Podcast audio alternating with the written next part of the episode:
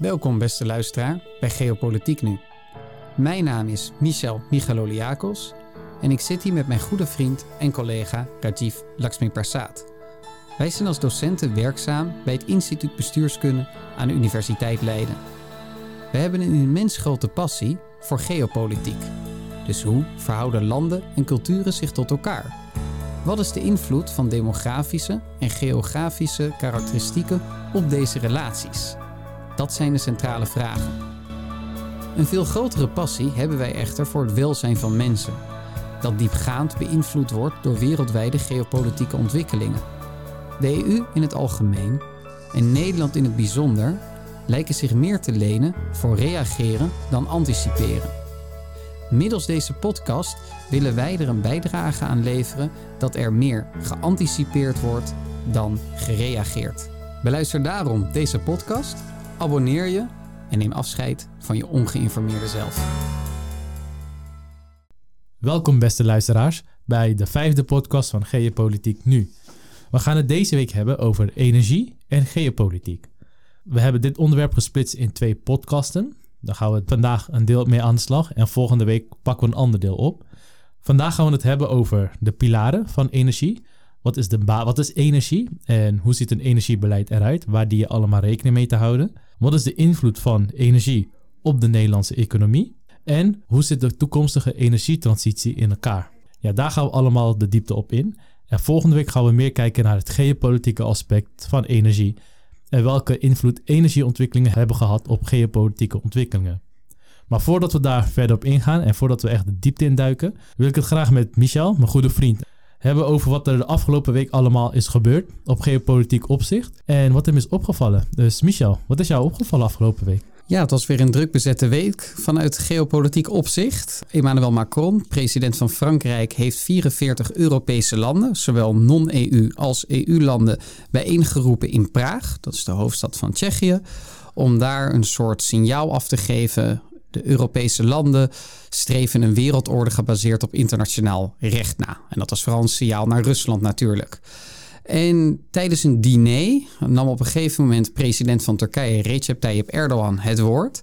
En stak daarbij een furieus betoog af jegens Griekenland dat Turkije blijvend zou provoceren. Daarnaast verweet Erdogan Griekenland ook dat Mitsotakis, premier van Griekenland, de rest van de wereld zou opsteken tegen Turkije. En dan gaat het bijvoorbeeld om de Verenigde Staten, de EU, Frankrijk, Duitsland en ook de Arabische wereld. Uiteraard was premier Mitsotakis daar ook aanwezig en was er niet blij mee. Hij verzocht de voorzitter ook om aan het einde nog het woord te mogen nemen.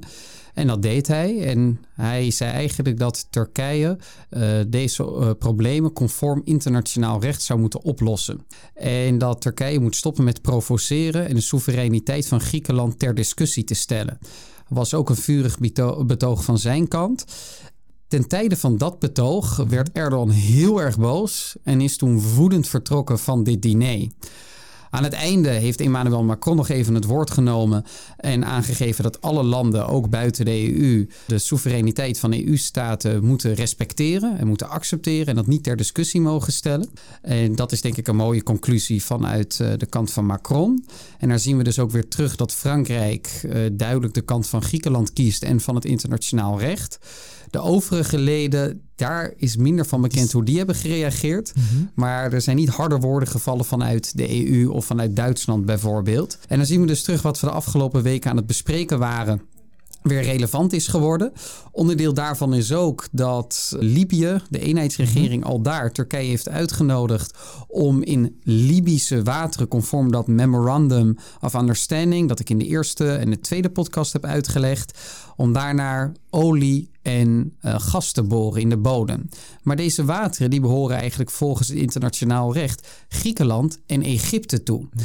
En deze uitnodiging die moet dan ook gezien worden als een soort afbreuk van dat internationaal recht. En daarmee probeert is mijn verwachting eigenlijk Erdogan een bepaalde spanning te kweken, wellicht in de richting van een militair conflict ten zuiden van Kreta in aanloop naar de verkiezingen van volgend jaar. Iets waar Mitsotakis ook al meermaals voor gewaarschuwd heeft. En Griekenland en Egypte die hebben daar samen op gereageerd dat dit volstrekt onacceptabel is. En dat deze uitnodiging vanuit Libië, vanuit de eenheidsregering.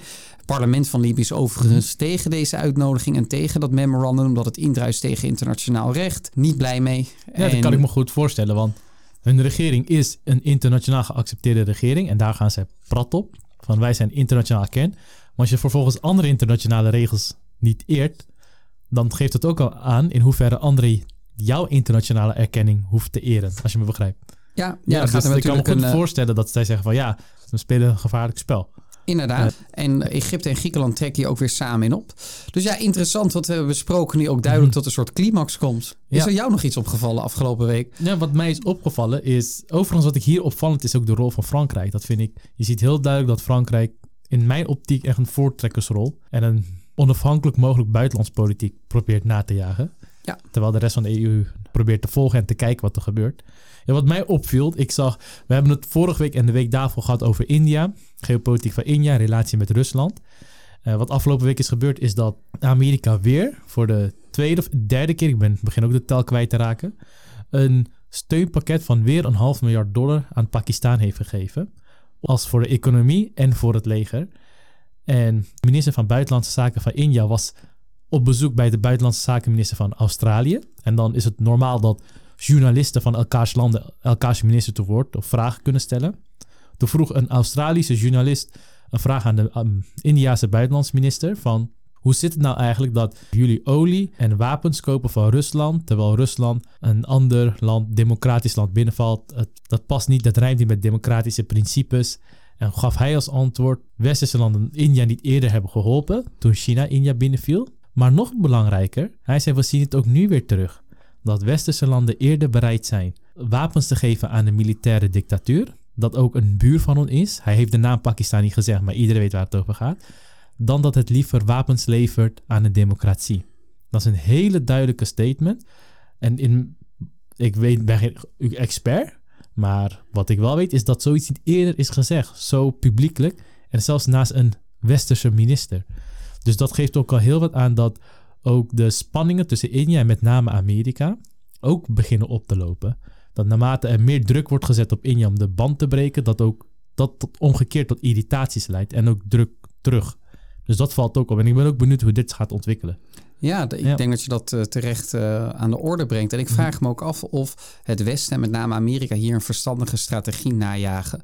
Het permanent paaien van militaire dictaturen werkt niet. Nee. En op de langere termijn zeker niet als daar een democratische partner voor in de plaats had kunnen komen, zoals India in dit geval. Dus ik vind het een onverstandig Amerikaans buitenlands beleid. En de EU zou hier denk ik scherper voor moeten kiezen. Wat ik wel interessant vind hieraan is ook de rol van Frankrijk en Griekenland. Dat de ministers van Buitenlandse Zaken van dit tweetal landen hebben aangegeven heel hechte banden met India te willen opbouwen en een strategische partner te zien, ook op militair gebied Inderdaad. in India. Ja, dat had ik ook gelezen. De Franse minister, ook van Buitenlandse Zaken, zeg ik uit mijn hoofd, gaf, had aangegeven dat zij de nummer één defensiepartner willen zijn van India. Een westers defensiepartner van India. Nou, dat geeft al is een heel duidelijke accentverschil vergeleken met de rest van het Westen. Dat vind ik heel interessant. Dus dat is ook leuk om geopolitieke ontwikkelingen te zien over onderwerpen waar we het ook over hebben gehad. Nou, dan gaan we verder in op het onderwerp energie. Ik ken jou al jarenlang. 15 Oh, inmiddels. 15 inmiddels. De tijd gaat echt veel te hard. Sinds ik jou ken, praat je altijd, nou niet vanaf middelbare school, maar je volwassen leven begin je steeds meer over energie te praten. Over energiepolitiek. En vooral sinds onze laatste, of laatste, onze grote reis door Azië. Dat, is wel, dat was tien jaar geleden. Zes jaar Zes jaar geleden. en eh, ja, begon je steeds meer over energie te praten. Dus het is echt een onderwerp voor jou. Maar waar is eigenlijk jouw interesse voor energie ontstaan? Ja, je zegt het goed. Door, toen wij een eh, reis gingen maken door Azië, zo'n zes jaar geleden. In 2016 dus. Na onze studie wilden wij nou, graag de, de wijde wereld in. En toen zijn we door Azië gaan trekken. Door landen als eh, Thailand, Vietnam, Laos, Cambodja. En dat was een super toffe reis. Maar onderdeel van reis is natuurlijk lange bustochten, lange treintochten. En we hadden toen ter tijd al urenlang over geopolitiek, over macro-economische onderwerpen. Naast natuurlijk uitgaan en drinken, maar daar zullen we het niet over hebben. En we hebben het toen ook steeds meer over energie gaan hebben. En wanneer je zo'n trein- of busreis voor de boeg hebt, dan zorg je altijd dat je wat vermaak hebt. En ik ging daarom ook wel eens YouTube-filmpjes downloaden die ik dan tijdens die bus- en treintochten kon gaan bekijken. En sindsdien heb ik steeds meer een passie gekregen voor energie. En steeds meer ook het besef hoe belangrijk energie is voor de opbouw van een economie en voor het geopolitieke spel. En daar ben ik me sindsdien steeds, steeds verder in gaan verdiepen. Onder meer in onze bustocht van Vientiane naar Luang Prabang. Mm Dat was voor de luisteraar. Toen sliepen we op een bedje van 1,40 lang uh, en ongeveer 80 centimeter breed. Dat was een zogenaamd de nachtbus. We hadden wel iets meer verwacht als twee mannen van rondom de... Uh, nou, ikzelf dan 1,77 en Rajiv rondom de 1,80. Dus dat was niet ideaal, maar we hadden wel tenminste energievermaak om het zo maar te zeggen. En dat besef van hoe belangrijk de economie uh, gebouwd is op de energievoorziening van een land werd mij steeds duidelijker. Daarom na de reis uh, me daar verder in verdiept. Ook geprobeerd een baan te vinden in de energiewereld. En uitgekomen bij Essent, een van de grote energieleveranciers van dit land. Ook in het midden van een uh, energietransitie. En ik zelf wilde graag een bijdrage leveren aan de energietransitie. En niet alleen vanwege de duurzaamheid. Voor mij was zelfs eigenlijk nog belangrijker de geopolitieke onafhankelijkheid die je daarmee kon bewerkstelligen. En de economische kansen die het bood. Nou, daar wilde ik een bijdrage aan leveren. Gesolliciteerd bij Essent. De prijs was tot mijn spijt een baan. Een sollicitatieprocedure vind ik altijd leuk omdat het een competitie is. Ik ben competitief ingesteld. Maar uiteindelijk is de prijs een baan. En dat, dat wekt altijd een bepaalde schrik op bij mij traineeship begonnen bij stakeholder management. In het kort gezegd, dat houdt lobbyen in. Dus dan ga je proberen beleid te, te beïnvloeden en zoveel mogelijk informatie van buitenwereld naar binnen te halen. Bij Essent heb ik eigenlijk heel veel geleerd van die energietransitie en ook van het lobbyen. Ja. Het is een heel leuke tijd geweest. Uiteindelijk wel tot de conclusie gekomen dat corporate niet zoveel voor mij is. Zo'n corporate wereld spreekt mij niet heel erg aan. Wel trouwens dat Brabant uh, de mooiste provincie is van het land met een heel leuke cultuur. Dus sindsdien ook echt mijn favoriete provincie. En ook een mooi accent. Dan lijkt het Nederlands in één keer mooi als een ja. Brabander Nederlands praat. Dat geldt voor de andere provincies een stukje minder. En daarnaast iets heel tofs meegemaakt dat ik ook mee mocht naar Spitsbergen toe. Noordpool is dat toch? Ja, vlakbij de Noordpool. Nou, dat ja. was natuurlijk mazzel bij een mazzel. Dat je als een soort niet-zeggend traineetje mee mocht. Ja. Ik deed de voorbereiding voor de CCO van uh, Essent. En uiteindelijk uh, door de organisatoren van de reis meegevraagd om te gaan naar Spitsbergen. Om al daar met financiële partners van verschillende banken. Zoals okay. uh, ING, ASN en noem maar op. Te praten over de energietransitie. En met name hoe die vooruit te brengen in de gebouwde omgeving. Mm -hmm. Dus dat allemaal super tof uiteindelijk toch tot de conclusie gekomen dat de academie, de universiteit meer bij mij past dan de corporate wereld. Dus de stap gemaakt naar de Universiteit Leiden. -hmm. En een half jaar nadat ik hier aan de slag ben gegaan, sloeg de coronacrisis toe. Ja. Begin 2020. En dat was eigenlijk nou, vervelend, want je zit heel veel op de computer en je moet heel veel online doen, waar ik eigenlijk een bloedteken aan heb. Maar onderdeel van het leuker maken was toch wel traden, Shell. handelen, beleggen. Inderdaad, Shell. Daar heb ik onder meer toen veel opties van gekocht. Maar ook contracts for different en futures aangaande olie en gas. Oké, okay, zo je durfde. Ik ja, durf nog wel met opties, maar die futures is een... Uh een beetje illegaal vuurwerk voor mij. ja, het, het, was een volatiel wereldje. Ik denk de meest volatiele tijd die de olie- en gasbusiness ooit gekend heeft. Dus het ging echt alle kanten op per dag. Mm -hmm. Maar mijn inschatting op dat moment was wel... die gas- en die olieprijs zijn historisch laag, irreëel laag... en ook de energiebedrijven zijn zwaar ondergewaardeerd. Dus toen flink erin geïnvesteerd... met dus die ja, toch wel riskante financiële titels... En me ook veel meer gaan verdiepen in de gas- en oliewereld. Die ik toch wel heel erg interessant vond. En de invloed daarvan van geopolitiek. Want die is cruciaal. Daar gaan we in de tweede podcast natuurlijk dieper op in. En je komt denk ik automatisch achter. Ik denk als je informatie opzoekt. In eerste instantie voor je beleggingen. En je wilt proberen zoveel mogelijk te anticiperen op komende cijfers. Dat je, ja, je onttrekt je er niet aan om ook geopolitieke aspecten te lezen. Zeker. Je, het, hoort, het hoort bij het risico van de beleggingen. Dus ik denk dat je ook daar automatisch het verhaal krijgt te zien. Zeker. En dan is cruciaal bijvoorbeeld de beslissing van de OPEC Plus. Ja. Gaan we nog uitgebreider over te spreken. In de tweede podcast kort gezegd dat zijn olieproducerende landen Mhm. die een kartel vormen, dus samen bepalen hoeveel olie er geproduceerd wordt. Heeft een grote weerslag op de prijs. Nou, in eerste instantie hadden die een oorlogje met elkaar in, in februari, maart, april. En daardoor stortte die olieprijs nog eens extra in. En later kwamen zij tot een soort deal om toch heel veel olie te beperken. Met name Rusland en Saudi-Arabië kwamen toen tot elkaar. En sindsdien trekken die best wel hecht samen op om die olieprijs stabiel hoog te houden. De motieven van daar, van dat, die kon ik beter inschatten, denk ik dan. Omdat ik geopolitiek eh, dat interessant vond en me verdiepte in de energiewereld. Het belang van Saudi-Arabië direct daarin is bijvoorbeeld dat zij een deel van Saudi Aramco willen verkopen. En je kunt iets voor meer verkopen op het moment dat het op dat moment Klopt. meer gewaardeerd is. En wil jij een eenmalige verkoop doen, dan wil je dat tegen de absolute hoofdprijs doen.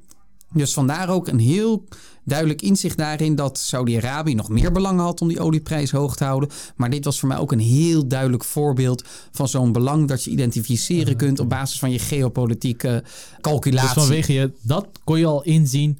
Ze gaan hun best doen om de olieprijs hoger te krijgen. ja, En daar dat was je- toen mijn inschatting. Dat was toen je Had ook zo inschatting. ook zomaar fout kunnen zijn, uiteraard. Maar dat was op dat moment mijn inschatting. En wat mij opviel is dat je ook, naarmate je steeds meer weet over energie, jouw ergernis naar politici, en met name ministers van klimaat, energie, ook steeds meer toeneemt. En dat heeft ook hiermee te maken dat je denkt van, want ik zie steeds meer naarmate je meer inzicht krijgt, dat je nadenkt van, hoe kan het dat een heel ministerie of een minister dat niet begrijpt? Hoe ontstaat dat? Ja, natuurlijk wil ik niemands kennis en zeker niet van ministeries waar veel grotere experts zitten dan ik ter discussie stellen. Maar inderdaad, de afgelopen jaren, met name sinds corona, heb ik wel eens het gevoel gehad dat de wereld. Ik begreep het soms niet meer. Wat bedoel ik nou concreet? Wij leken onszelf in een bepaalde illusie gecatapulteerd te hebben dat de vraag naar energie structureel lager zou blijven.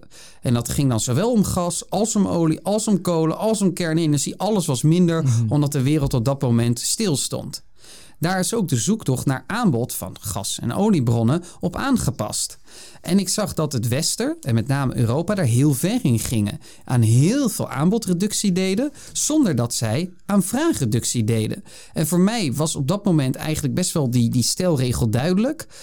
Aanbodreductie zonder vraagreductie gaat hoe dan ook sociale onrust opleveren. Ja. Dus nou, vandaar ook mijn bombardement wel eens in WhatsApp-groepen en in gesprekken met jou en andere vrienden over dat ik me ja, op sommige momenten echt kapot ergerde, maar ook gewoon heel veel zorgen maakte over de Nederlandse energievoorziening. Omdat ik weet hoe belangrijk de energie is voor de economie, maar ook gewoon voor de betaalbaarheid van cruciale eerste levensbehoeften, zoals een warm huis, maar ook voedsel. Gas bijvoorbeeld is een cruciaal element voor kunstmest. Oké. Ja, en dat besef, dat dringt in mijn ogen onvoldoende door tot de beleidsbepalers. In ieder geval de corona sinds maart 2020 en de jaren erna. Voordien schort het wel eens aan die kennis. Ja. Maar daar zie ik wel echt een breuk in dat het nog meer niet doordrong hoe, ja, hoe belangrijk het was.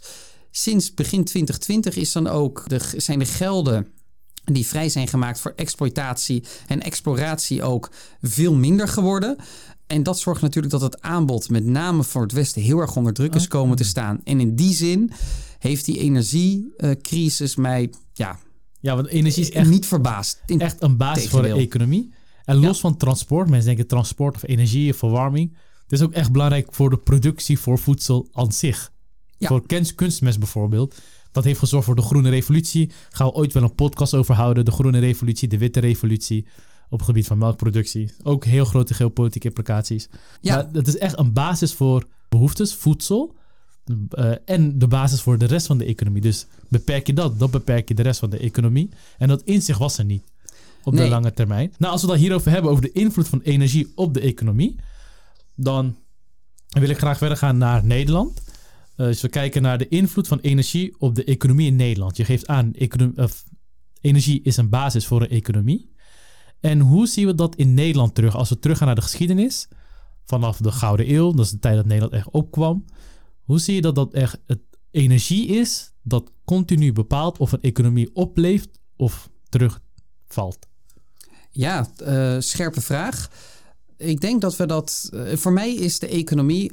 Eigenlijk, als ik dat in een formule moet uitdrukken. Energie plus intellectueel kapitaal is je economie. Daar komt het in de kern op neer, in mijn optiek. En dat kunnen we in de geschiedenis van Nederland ook terugzien. Dat de Gouden Eeuw, dus de 17e eeuw, en eigenlijk tot 1672, het rampjaar, voor de in de geschiedenis geïnteresseerden, mogelijk gemaakt is door de soort van turfrevolutie. En turf is gedroogd veen. Kun je dat verbranden, kun je allerlei soorten ambachtelijke uh, fabriekjes mogelijk maken. En is er grotere uh, productie mogelijk van voedsel. Scheepsvaart kan beter georganiseerd worden. Ga zo maar door. Dus die Gouden Eeuw is mede mogelijk gemaakt door de turfrevolutie. En dan zien we dus duidelijk die weerslag terug van energie, turf in dit geval, op die economie. Is wel een soort andere energiebron dan gas en olie natuurlijk. Maar het idee is helder. Maar daarvoor werd hout gebruikt. Waarom kon hout daarvoor niet zo? Heeft te maken met dichtheid van energie of ander, iets anders? Verbrand minder okay. uh, makkelijk en was minder goed voorhanden. Oké. Ja. ja. En in de 19e eeuw, of eigenlijk in de 18e eeuw, begint Engeland steeds meer kolen te gebruiken. In de 19e eeuw is echt die, die uh, industriële revolutie op volle kracht zichtbaar. En Nederland gaat daar niet in mee en blijft vasthouden aan traditionele uh, gebruiksmiddelen zoals turf. En maakt die stap naar kolen pas later. En daar heeft Nederland ook wel eens een energietransitie uh, en daarmee een soort van gouden eeuw aan zich voorbij laten gaan. dat zijn ook de kolenmijnen in Limburg. Die komen van die tijd. Kan ik me herinneren ook. Van koning ja. Willem I. Ja, echt late industriële revolutietijdperk. Toen pas zijn de kolenmijnen in Limburg geopend. Het was ja. de rest van Europa was, of de rest van Europa, Frankrijk, Engeland waren al in, waren al in zo'n proces. Ja, nee, dat was er relatief laat in. En ja. daarom zie je dus heel sterk terug dat de energiebasis van je land een heel grote invloed heeft op de inrichting van je economie en daarmee ook het welvaartsniveau van het volk. Okay. En dat besef is in mijn ogen heel cruciaal als je energiebeleid voert en dat je daar verstandige keuzes bij moet maken. En daar heeft het in het Westen goed deels aan ontbroken in de afgelopen jaren en dan vooral in Europa. En de prijs betalen we daar nu voor. Oké. Nou, dat brengt dus ook naar het volgende onderwerp. Uh, de pilaren van de energievoorziening. Uh, Michel, zou je ons kunnen vertellen, wat vertellen over de energievoorziening? Waar bestaat die uit en welke principes zijn leidend?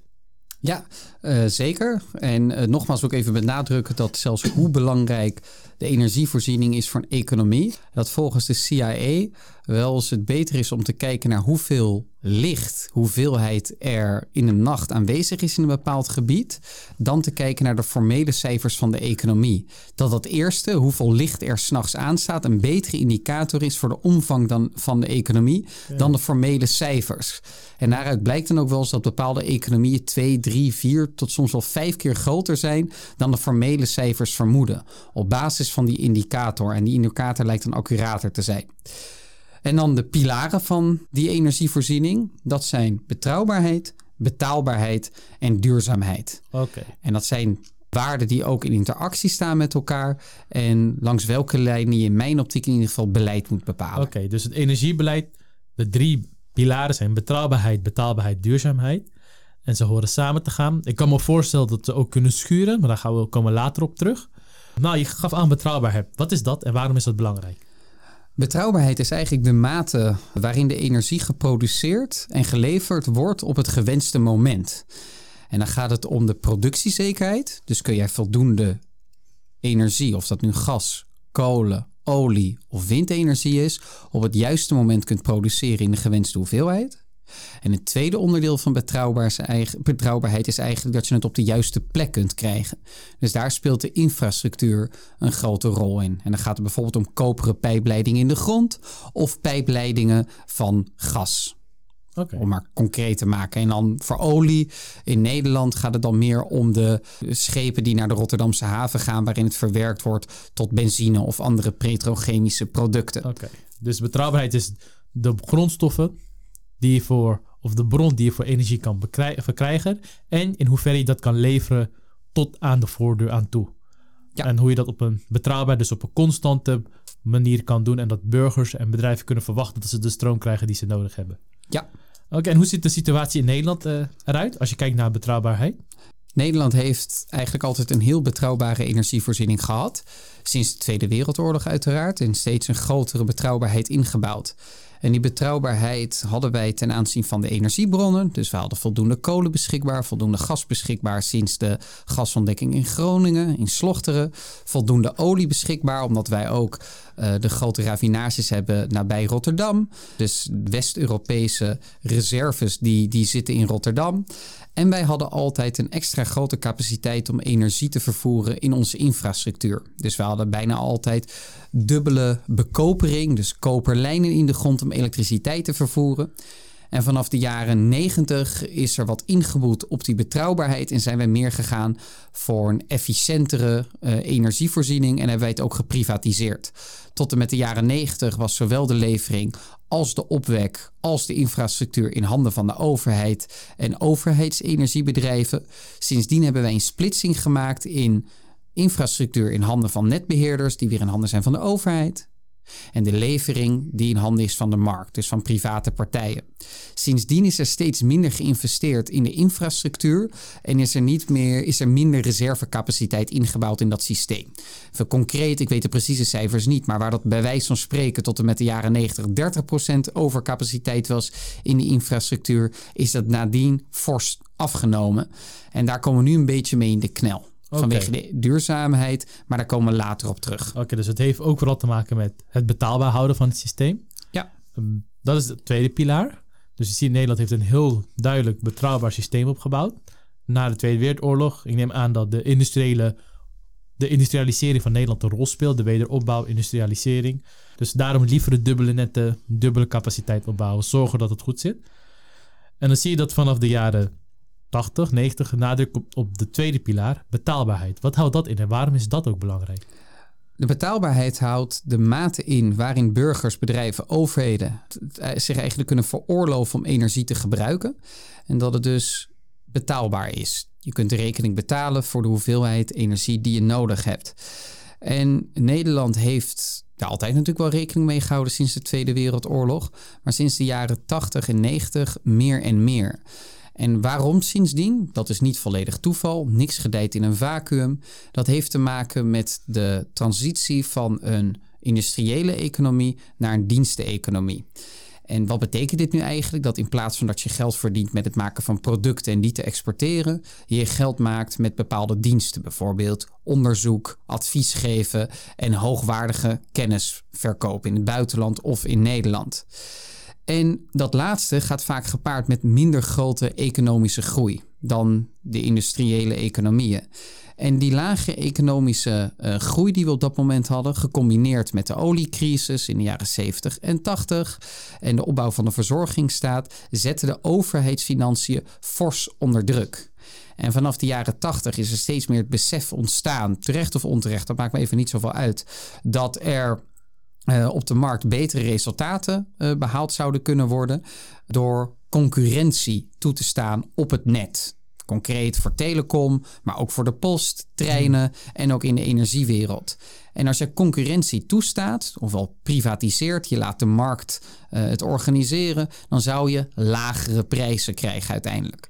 Nou, in enige mate is dat ook wel gebleken. Ik kan me nog herinneren dat Essent, een van de voorlopers daarvan, echt een gemeentelijk energiebedrijf was. Dat ontzettend veel lokale activiteiten sponsorde. En dat leek natuurlijk heel erg genereus, maar dat was natuurlijk het geld van de Brabantse burgers. En dit was in heel Nederland zichtbaar. Dus het is wel degelijk zo dat de prijs per hoeveelheid energie vanwege de lager wordende overheid, bureaucratie, uh, wat omlaag is gegaan. Het is goedkoper geworden, maar dat er daardoor wel minder geïnvesteerd is in bijvoorbeeld de infrastructuur en dat er wat is ingeboet op betrouwbaarheid en reservecapaciteit. Dat kan ik me ook voorstellen. Als ik moet concurreren, dan ben je wat sneller op de korte termijn gericht. Ik moet mijn geld vooral inzetten in het behouden van klanten en aantrekken van nieuwe klanten. En je kijkt minder naar strategische voorraad, strategisch lange termijn. Ja, precies. Ehm, ja, je bent wat eerder geneigd om het geld in plaats van lange termijn te gebruiken, wat heel lang niet zichtbaar is, nu te gebruiken. Vooral als je concurrenten dat ook doen. Ja. Dan, uh, ja, moet ik wel even duidelijk maken. De netbeheerders zijn dus altijd in handen geweest van de overheid alsnog. Dus de infrastructuur is van de overheid. Maar daar moesten ze ook concurreren, heb je zo gezegd, de regionale concurrentie tussen de verschillende netbeheerders. En daarmee moet je ook efficiëntieslagen behalen en dus daarmee betaalbaarheid uh, zien te stimuleren. En tegelijkertijd zorgde die leveren, uh, leveringsconcurrentie ook voor minder bureaucratie voor wat betreft het administratieve gedeelte. En dat gaat dus uh, uit van de waarde betaalbaarheid. Aan de energieproductiekant zien we dat Nederland daar geen grote beleidswijzigingen heeft doorgemaakt uh, tot en met de jaren 90 en vooral werkte met lange termijn contracten. Bijvoorbeeld als het ging om de levering van gas en, en ook olie. En vanaf de jaren 90, uh, mede door EU-wetgeving, is er steeds meer ingezet op het niet maken van lange termijn contracten, van soms tot wel 20 jaar, maar juist uit te gaan van zogezegde spotmarkten. En spotmarkten die waren dan volledig transparant, waren er meerdere aanbieders, meerdere vragers, de, de scherpe opletter met een economische achtergrond, die weten dat zijn de markten van volledige mededinging. In ieder geval enkele kenmerken daarvan. En daarmee konden aanbieders van energie vragers vinden en daarmee de prijs van energie eigenlijk omlaag. En daarmee heeft de EU een heel duidelijke keuze gemaakt voor spotmarkten en korte termijn efficiëntie ten faveur van betrouwbaarheid. En dat is misschien niet altijd een goede keuze gebleken, zien we op dit moment terug. Maar Ja. zo zien we dus heel sterk die betaalbaarheid terug voor de Nederlandse energievoorziening. Dat is dus de betaalbaarheid. En dan zag, gaf je als laatste aan duurzaamheid. Ja, wat is duurzaamheid? Is duurzaamheid altijd belangrijk geweest? Is alleen de accent veranderd? En ja, hoe zit de situ- Ja, laten we even daarmee beginnen. Kijken we daarna hoe het in Nederland in elkaar zit. Maar wat is duurzaamheid? En is het altijd überhaupt belangrijk geweest? Ja, eh, duurzaamheid in de kern is de mate waarin een energiebron klimaat- en milieuvriendelijk gebruikt kan worden en hernieuwbaar is. En met hernieuwbaar bedoelen we structureel opwekbaar. Dus als je het één keer gebruikt hebt, dan gaat dat niet ten koste van een volgende keer dat je het wilt gebruiken. Zoals in het geval van wind. En ja, ik denk in enige mate heeft duurzaamheid er altijd wel toe gedaan. Maar het is eh, de waarde duurzaamheid heeft een evolutie doorgemaakt. Waar wij bijvoorbeeld eh 100 jaar geleden steeds meer eh, kolen begonnen te gebruiken, zorgde dat in Londen na de Tweede Wereldoorlog voor een soort nou, summum. Waarin er zo ontzettend veel luchtvervuiling was in de stad Londen. Dat ze ook wel door hadden. Oké, nou, het zou wel fijn zijn als we een energiebron hadden. En zijn ze overgegaan van kolen naar olie en gas te gebruiken. Bijvoorbeeld om huis te verwarmen of om auto's te voorzien van de benodigde energie. En dat is natuurlijk niet voor het milieu goed zoals we het nu zien, maar het zorgde wel voor een verminderde vervuilde lucht in Londen op dat moment. 30, 40 jaar daarvoor, in de jaren 20 ook in Londen, lagen er heel veel uitwerpselen van paarden op straat. En dat zorgde ook voor een bijna, ja, niet, kun je je voorstellen, niet te, niet te harde lucht en ook voor heel veel vervuiling. Toen hebben ze juist de overstap gemaakt van paarden gebruiken naar kolen gebruiken. En daar zie je dus ook terug dat duurzaamheid in een andere vorm ook een rol speelde. Dus het is altijd die samensmelting van die drie waarden. En op dit moment, in de afgelopen 20 jaar, zien we ook weer een evolutie van die waarde duurzaamheid terug. En dat heeft natuurlijk een voorgeschiedenis met de Club van Rome in de jaren 60, zeg ik bij de hoofd 68. En de focus op duurzaamheid sindsdien. En in Nederland hebben wij door die focus op duurzaamheid vooral veel ingezet op zon- en windenergie. En je zou ook nog, als het gaat om duurzame energie, kunnen inzetten op hydro. Dus dat betekent dat je een dam neerzet, water laat doorstromen, daar laat je wat dingen draaien en kun je op die manier elektriciteit opwekken. En daarnaast zou je op kernenergie kunnen neerzetten. Dat zijn dus- grofweg. Oh, en dan moet ik er nog eentje benoemen. Geothermie, dat is warmte uit de bodem, uit de aarde. Dat zijn grofweg de energiebronnen die duurzaam zijn. Dus wind, zon, hydro, kernenergie en geothermie. En dat wordt nu, en waar dus vroeger duurzaamheid, als ze naar duurzaamheid keken, dachten ze eerder aan ja, het milieu. Dus het is duurzaam voor een stad, voor mensen om ja, geen, een schone omgeving te hebben. En je ziet vaak dat waar landen industrialiseren, dat ook het milieu schoner wordt. Als je kijkt naar de Rijn, de Maas, de Theems in Londen, Ja. die zijn nu veel schoner dan voor de, daar, daarvoor. Voor de Ja. industriële revolutie. En ook in Nederland. En ik kan me nog herinneren dat mijn moeder wel eens een verhaal vertelde. Dat in haar huis er werd overgeschakeld van kolen naar gas. Nadat de gasbubbel in Slochter ontdekt was. En dat zij voordien kolen gebruikte die uit de tuin moest halen. Nou, dat zorgde nogal voor wat luchtvervuiling ook thuis. En dat zij toen gasgestookte verwarm, eh, warmtevoorziening eh, kregen. En dat zorgde natuurlijk ook voor een verbetering eh, qua luchtvervuiling. Maar CO2-technisch is het nog steeds vervuilend. Zowel Ja. olie als Dus gas. Kijken we meer naar het klimaataspect van duurzaamheid. Ja, kijken we ook daarnaar. Ook daarnaar. Ja. Oké. Nou, we hebben, je hebt de situatie in Nederland eh, kort uitgelegd. Als we dan kijken naar betrouwbaarheid, betaalbaarheid en duurzaamheid. En dan hebben we die drie waarden. Maar je ziet alsnog, ik denk dat de grotendeels van Nederland, niet iedereen is een energie-expert, dat het ergens misgaat in Nederland. Met de energietransitie. We, hebben, we betalen ons blauw aan energie. Ik krijg ook een nieuw factuur binnen. Eh, nou, iedereen betaalt zich blauw. Dus er gaat ergens iets mis. Heeft het te maken met een van deze drie waarden? Of is er een andere waarde waar geen rekening mee wordt gehouden? Ja, hoe kijk jij daarnaar? Er komt heel veel samen inderdaad. Die energietransitie is een veelkoppig monster. Überhaupt de energievoorziening is dat al. En wat heel erg van belang is in die energiewereld is dat keuzes die je in het verleden hebt gemaakt bepalend zijn voor de keuzes die je in de toekomst kunt maken. Dat wordt ook wel padafhankelijkheid genoemd. Dus de keuzes die wij in het verleden hebben gemaakt voor betaalbaarheid, maar ook voor betrouwbaarheid, die bepalen eigenlijk de keuzes die we nu kunnen maken. En nou, we hebben steeds meer nadruk gelegd op duurzaamheid. En daarom hebben we te weinig in mijn optiek geïnvesteerd in gas en olie-exploratie in Nederland, maar ook in geheel Europa. Eh, we hebben zelfs kwaad bloed gezet in andere delen van de wereld, waar wij heel lange tijd verzocht hebben niet te investeren in olie en gas. En waar wij nu letterlijk in diezelfde landen zoals Namibië het verzoek doen om toch wel in olie en gas te investeren. En dat zet kwaad bloed ook in deze landen. En het zet ook kwaad bloed bij mij dat wij zo onverstandig daarmee zijn omgesprongen. Dus dat zit meer aan die energiebronkant. Tegelijkertijd hebben wij ook onvoldoende in die infrastructuur geïnvesteerd om uiteindelijk de elektrificatie van de energievoorziening, want een groot deel van de energietransitie die is, die is gestoeld op elektrificatie van de energievraag.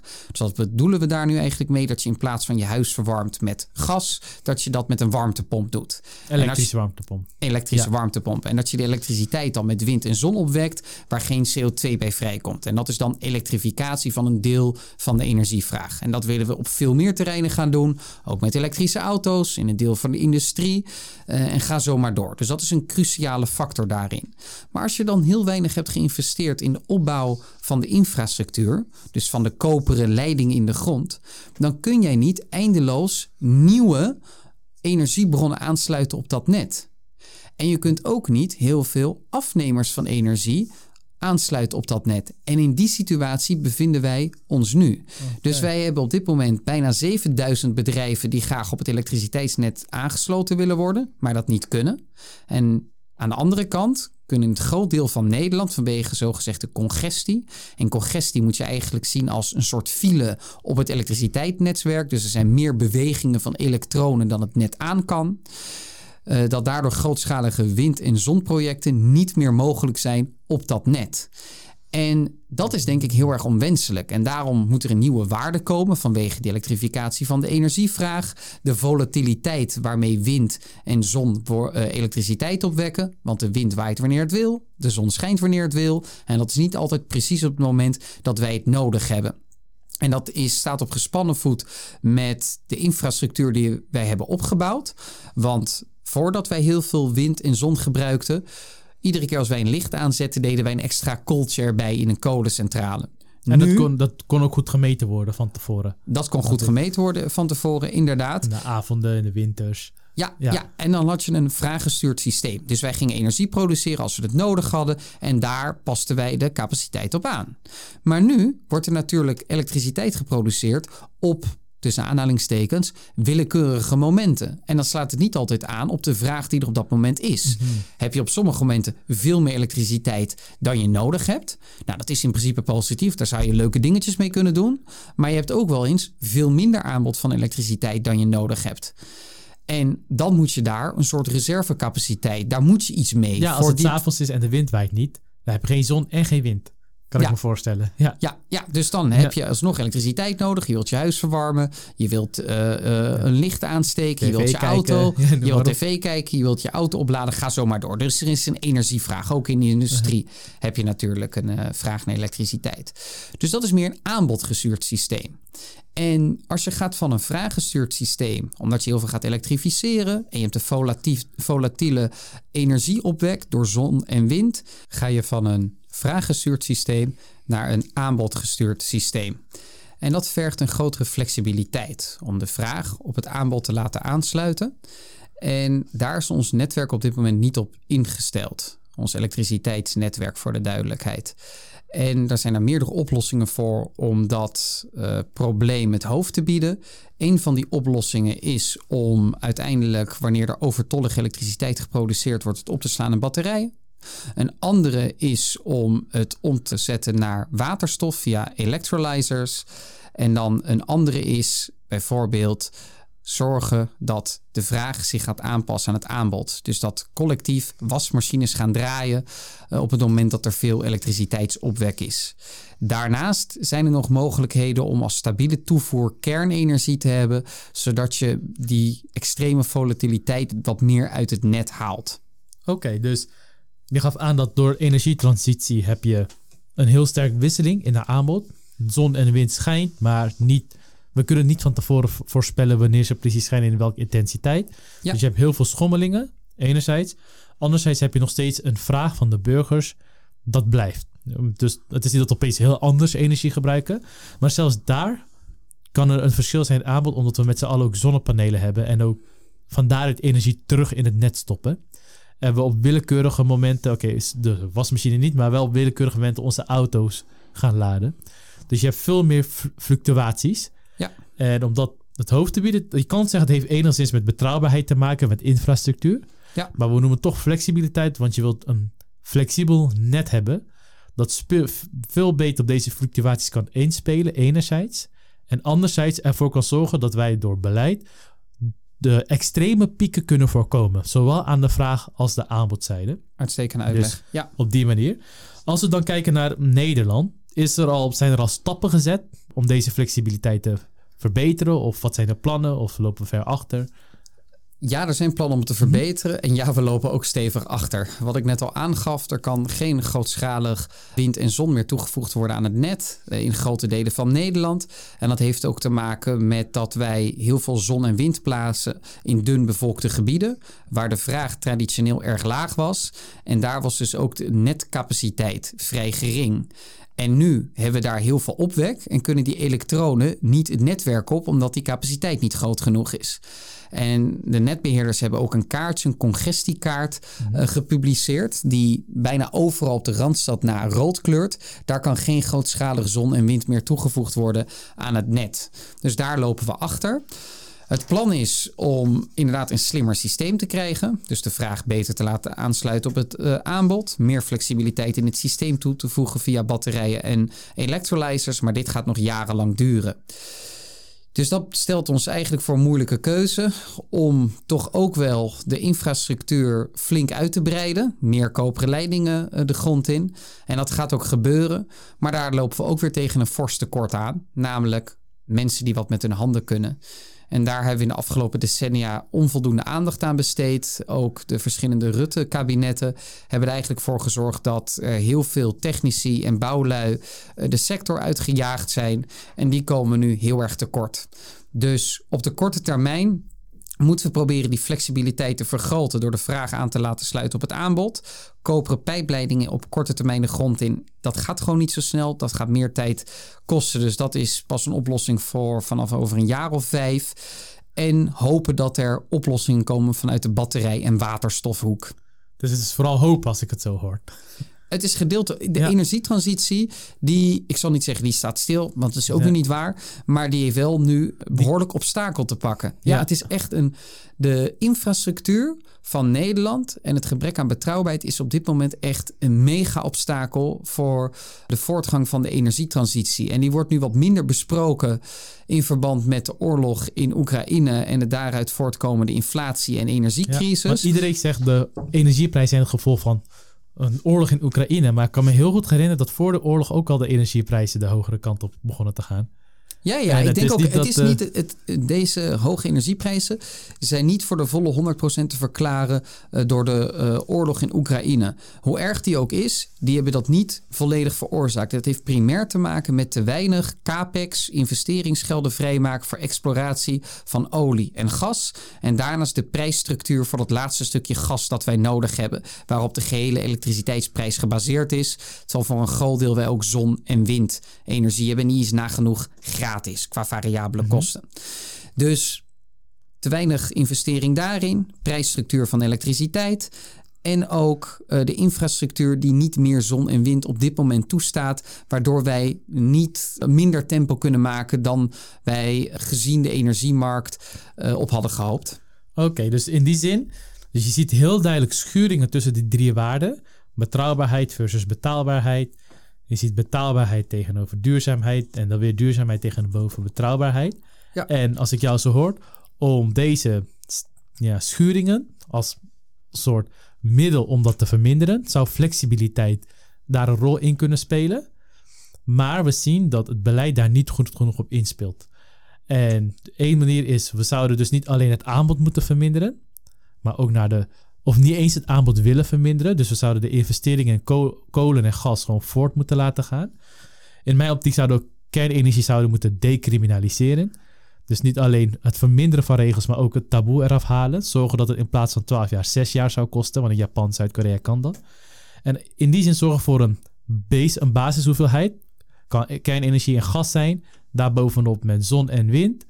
En dan accu's of waterstof of andere manieren om de extreme pieken op te vangen. Zo moet ik het omvatten. Want je gaf zelf aan, echt investeren in het net. Dat is nu niet mogelijk gezien ook het arbeidstekort of het personeels, algeheel personeelstekort. Uiteindelijk is het, moeten we alles doen. Uh-huh. Maar inderdaad, ik vind het onverstandig om aan aanbodreductie te doen zonder vraagreductie. Dus waar waarvoor wij hebben gekozen om ons geopolitiek uit te leveren aan landen als Rusland, maar ook Saudi-Arabië, Qatar en minder erg, maar ook Noorwegen, heb ik altijd heel erg onverstandig geacht. Dus die boring in de Noordzee en de Waddenzee ook al is het kwetsbaar gebied, hadden in mijn ogen jaren geleden ook moeten plaatsvinden. En ik vind het dan ook ik zal niet zeggen onvergeeflijk, maar ik ga wel die kant op dat dat niet is gebeurd. Want daarmee hebben we onszelf heel kwetsbaar gemaakt, economisch en geopolitiek gezien. Dus dat moeten we terugdraaien, daar moeten we wel naar gaan boren. Daarnaast, over een jaar of tien kan kernenergie wellicht een oplossing bieden. Ik denk zelfs pas over 15 jaar, inderdaad vanwege die wetgeving. En in die tussentijd moeten we de flexibiliteit vergroten via waterstof en batterijen. En het netwerk vergroten zou fijn zijn. Maar daar komen ook gehandjes voor tekort. Dus daar moet ook echt een soort deltaplan voor komen. Gewoon meer nadruk op technisch onderwijs. Ook dat decriminaliseren. Geen taboe maken als je kind een mbo-techniek doet. Het is meer, meer dan genoeg hebben we dat nodig in Nederland. Sterker nog, ik, ik vind, wij werken aan de universiteit voor de luisteraar. Daar hebben heel veel mensen een grote voorkeur voor de energietransitie en duurzaamheid. Wat wij natuurlijk van harte ondersteunen, zijn wij ook voor. Maar wil jij echt een bijdrage leveren aan de energietransitie? Voorkom dat je in een praatcircuit terechtkomt. We hebben echt genoeg praters. Uiteindelijk moet je ook iets hebben zoals doeners, die er ook voor zorgen dat wij echt stappen kunnen zetten in de energietransitie. En daar schort het op dit moment aan. Ja, want energie, inderdaad, mensen proberen de aanbod te vinden, maar energie is je economie. Verminder je aanbod, dan breng je structurele schade aan, aan je energie. En daar komen ook aan, je economie. Aan je economie, sorry. Ja. En dan komen we ook naar het volgende punt binnen dit podcast. Is los van dat aanbodreductie kan leiden tot structurele schade aan je economie, kan het eigenlijk ook leiden tot structurele schade aan jouw geopolitieke positie. Volgende week gaan we in over wereldwijd, komen we met wereldwijde voorbeelden. Maar nu kijken we naar Nederland. Als we kijken naar het energiebeleid, na de Tweede Wereldoorlog, maar vooral van de laatste decennia, de transitie. Wat voor ontwikkelingen heeft energie gehad op het Nederlandse geopolitiek? En vooral wat voor schade zie je nu ontstaan? Ik denk dat Nederland zich in de afgelopen jaren op een bepaalde manier, mede ook vanwege de verschrikkelijke aardbeving in Groningen, dus ik begrijp dat uh, de, de slochtere uh, gasproductie omlaag moest, maar we hadden die kunnen vergroten in de Noordzee en de Waddenzee. Daar is meermaals besloten om toch niet aan exploratie en exploitatie te doen, in mijn ogen een onverstandige keuze. Dus daarmee hebben wij onszelf geopolitiek uitgeleverd aan landen als Rusland. Sterker nog, wij hebben dat bewust als vervanging gezien voor de gasbel in Groningen. En dat heb ik nooit zo goed begrepen waarom dat een verstandige keuze is. Het is voor het klimaat niet goed, want dat vervoer van gas van Rusland naar hier gaat gepaard met energieverlies. Dus, en het kostte ook trans. Ja. En het kost natuurlijk ook transport, dus het kost ook meer geld. Dus in die zin uiterst onverstandig. We hebben dus lange tijd een zeer betrouwbare energievoorziening gehad. Meerdere energiebronnen in eigen beheer gehad. Dat is minder geworden. En daarmee hebben wij onszelf als Nederland, maar ook als Europa heel kwetsbaar gemaakt voor de wereldmarkten. En daarmee die bewust gemanipuleerd worden door landen als Rusland, maar ook Saudi-Arabië. Elk land dat heel erg staatscentristisch aangestuurd wordt, die gebruikt de energiemarkten als geopolitiek instrument voor de eigen nationale belangen. En dat is logisch. Ik zou die landen dat ook adviseren dat vooral te doen. Ja, want wij kunnen het als markten zien waar individuele bedrijven in opereren. Maar zij, het, daar is het een gecentraliseerd instrument. Ja. Daar wordt het gezien als een politiek instrument. En zij maken gebruik van dat wij daar niet echt macht over hebben. Omdat wij hebben het meer aan de ja, marktpartij overgelaten.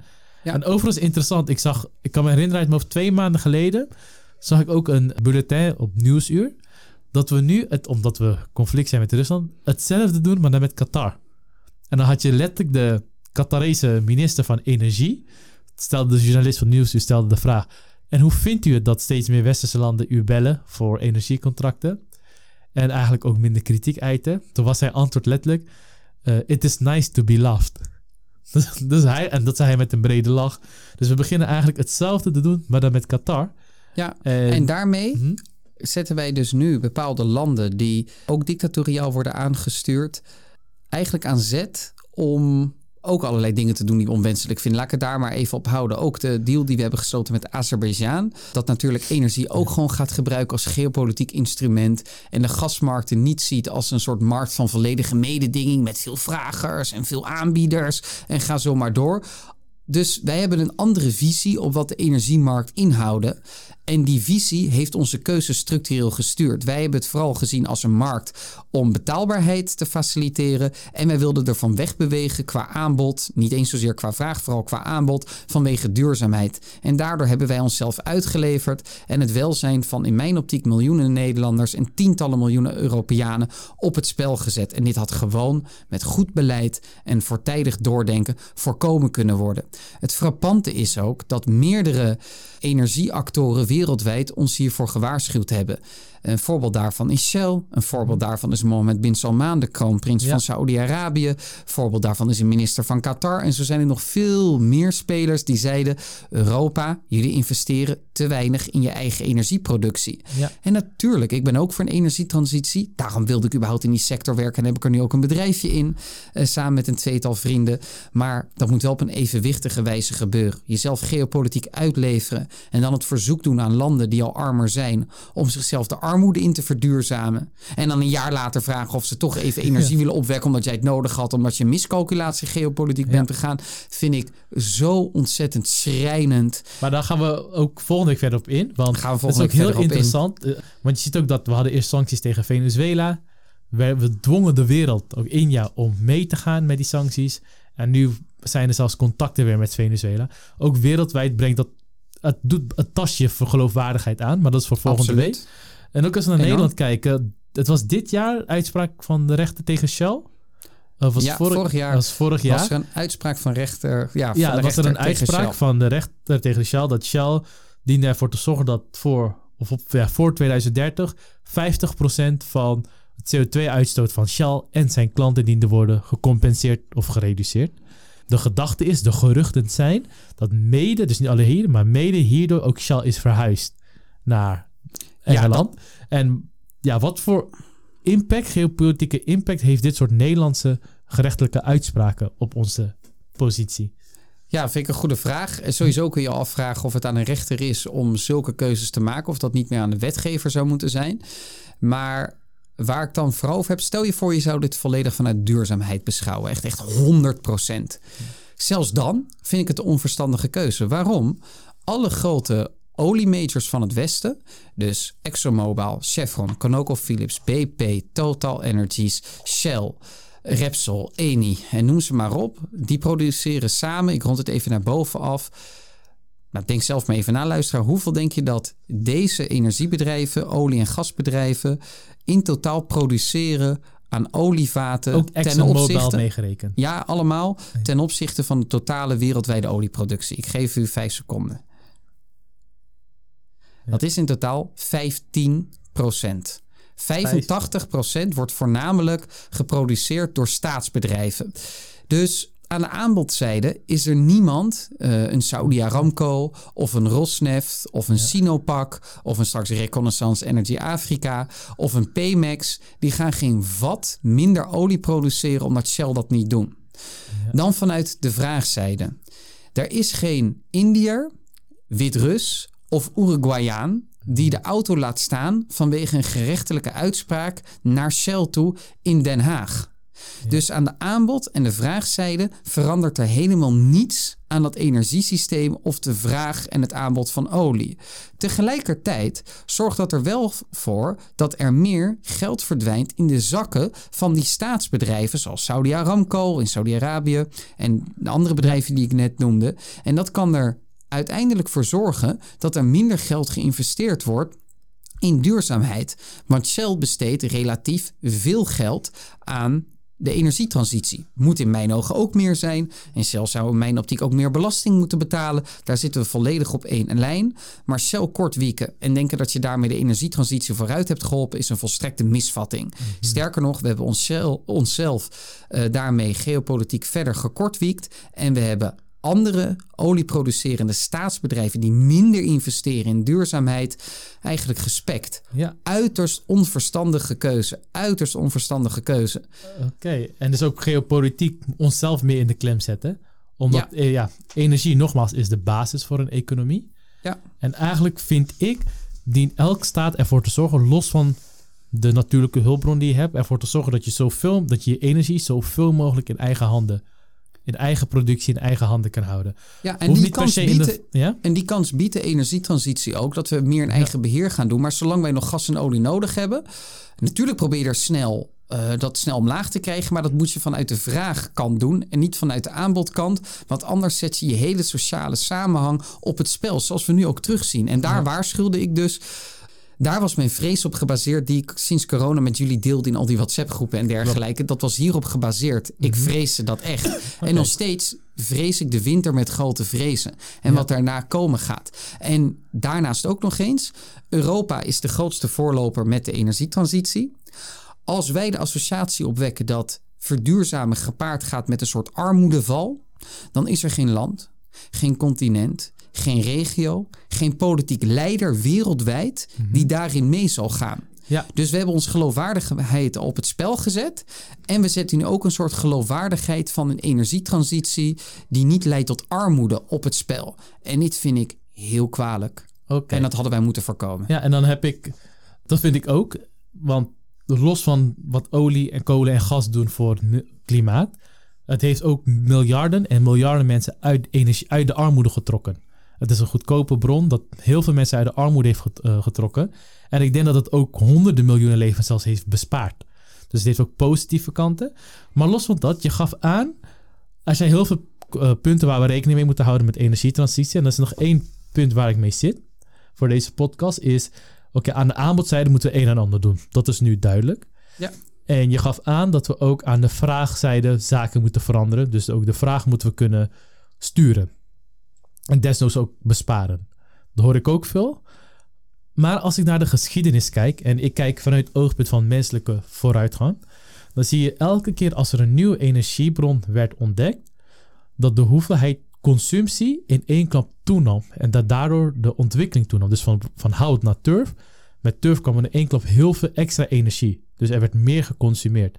Van turf naar kolen, kolen naar olie. Maar nu lijkt het, of ik kan het verkeerd hebben, dat als we van fossiele brandstoffen naar duurzame brandstoffen gaan, dat er opeens niet een, als we dan bij zon en wind blijven, een nog grotere extra hoeveelheid energie bijkomt. Zodat we weer een volgende ontwikkelingsstap kunnen maken. Of zie ik dat verkeerd? Dat ligt helemaal af. Dat ligt helemaal aan de inrichting van die energietransitie. Het moet kunnen. Laat ik met het positieve beginnen, want daarom ben ik zelf zo'n fan van de energietransitie. Je moet uiteindelijk naar een welhaast overtollige energievoorziening gaan. Er is een bijna onbeperkte hoeveelheid energie wereldwijd beschikbaar. Hoeveel de zon op de wereld laat neerdalen, hoeveel warmte er in de grond zit. Als we daar alleen maar een fractie van weten, vast te pakken, tastbaar te maken, om te zetten in elektriciteit bijvoorbeeld, dan zijn we eigenlijk al uit de brand.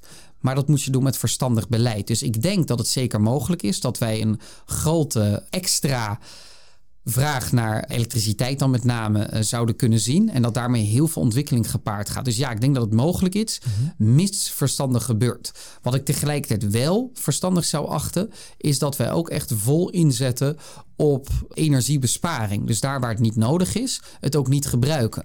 En daar hebben die hoge prijzen afgelopen tijd wel een bijdrage aan geleverd. Dat bijvoorbeeld zonder dat de industriële capaciteit omlaag ging, er 20% minder gas gebruikt is in mhm. verschillende fabrieken in Nederland. Nou, dat is natuurlijk ook wel verstandig. En dat zouden we heel makkelijk kunnen faciliteren met een CO2-tax. Want zo mee druk je de meest inefficiënte wijze van energiegebruik uit het systeem. Oké, ik kan het begrijpen. Ja, ik begrijp wat je bedoelt. Ik was daar benieuwd naar, want je hebt nog, we hebben nog steeds 3, 4 miljard mensen die uit de armoede willen gaan. En geloof mij, die gaan veel meer, die gaan energie gebruiken, net zoals wij dat doen. Dus het moet een bron zijn dat een grote hoeveelheid toelaat. Van, uh, ja, dat je gewoon extra energie kan gebruiken en dat snel voorhanden is. En betaalbaar, en betrouwbaar, en duurzaam. Maar het, wordt, uh, ja, het wordt heel interessant wat de komende decennia gaan brengen. En hoe die ontwikkelingen gaan lopen. Ja, nou beste luisteraars, dat was het voor deze week. We hebben het gehad over energie en geopolitiek. En met name over de beginselen van energie en energiebeleid. Over hoe het samenhangt met een economie. En ook hoe het samenhangt met je geopolitiek. En waarom een energiebeleid van cruciaal belang is voor het voortzetten van je land, het voortzetten van je economie. En ook voor jouw zelfbeschikking ten opzichte van andere landen in het wereldwijde geopolitieke toneel. En volgende week gaan we weer verder met het internationale aspect. Komen we ook met internationale voorbeelden. Een leuk voorbeeld is hoe lage energieprijzen kunnen hebben bijgedragen aan de val van de Sovjet-Unie. Meer dan het defensiebeleid van Reagan bijvoorbeeld. En ook met andere aspecten. Dus het wordt ook een heel interessant podcast. En uh, ga ook kijken naar hoe de transitie wereldwijd plaatsvindt. En of het überhaupt wereldwijd een impact heeft of niet. Nou, dat was het. En dan uh, zie ik jullie volgende week. Nog een fijne dag.